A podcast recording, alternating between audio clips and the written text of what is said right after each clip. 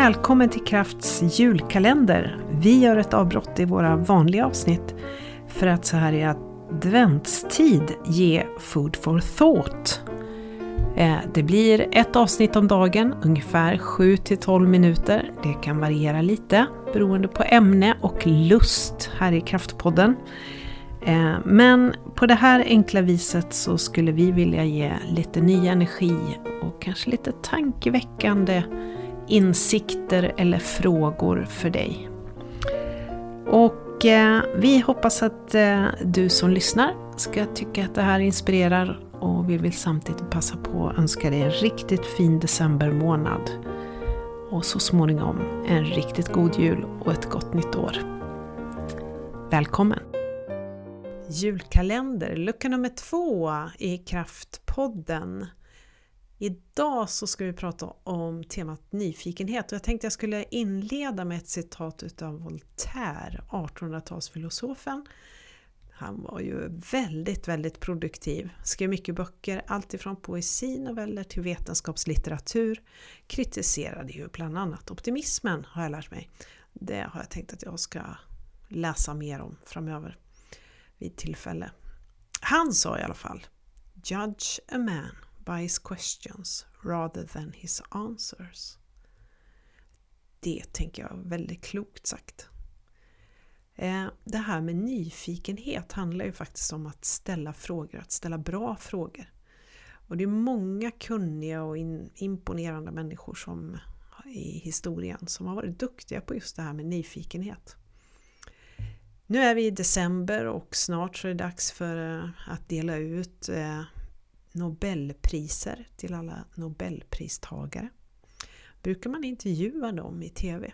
För några år sedan så intervjuade de en av Nobelpristagarna och jag tror att de frågade henne typ Vad är du mest tacksam för när du ser tillbaka på din forskning?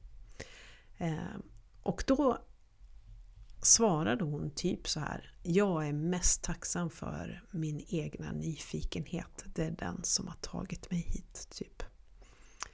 Nyfikenhet är en fantastisk fin förmåga.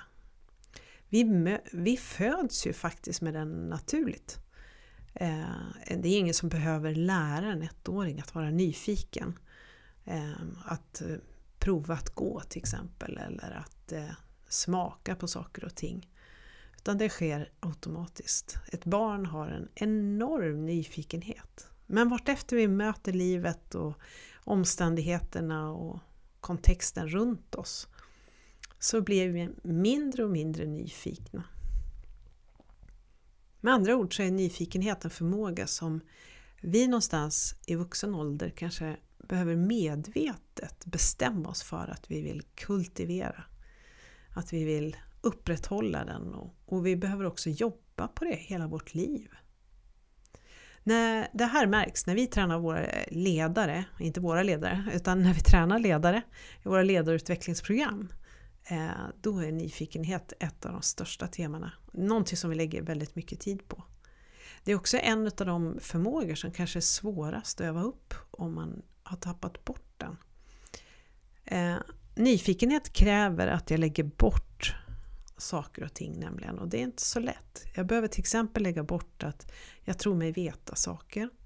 Eh, jag behöver lägga bort att jag tror att jag kan eller att jag förstår. Eh, jag behöver lägga bort mina antaganden eller bilder av situationer och personer. Eh, att jag tror mig veta om saker och ting som händer. Och en annan sak som är viktig att lägga bort är ju faktiskt önskan om att visa mig duglig. Och det där är ju något som är ganska vanligt för oss alla tror jag. Man vill visa att man kan och då tappar man sin nyfikenhet.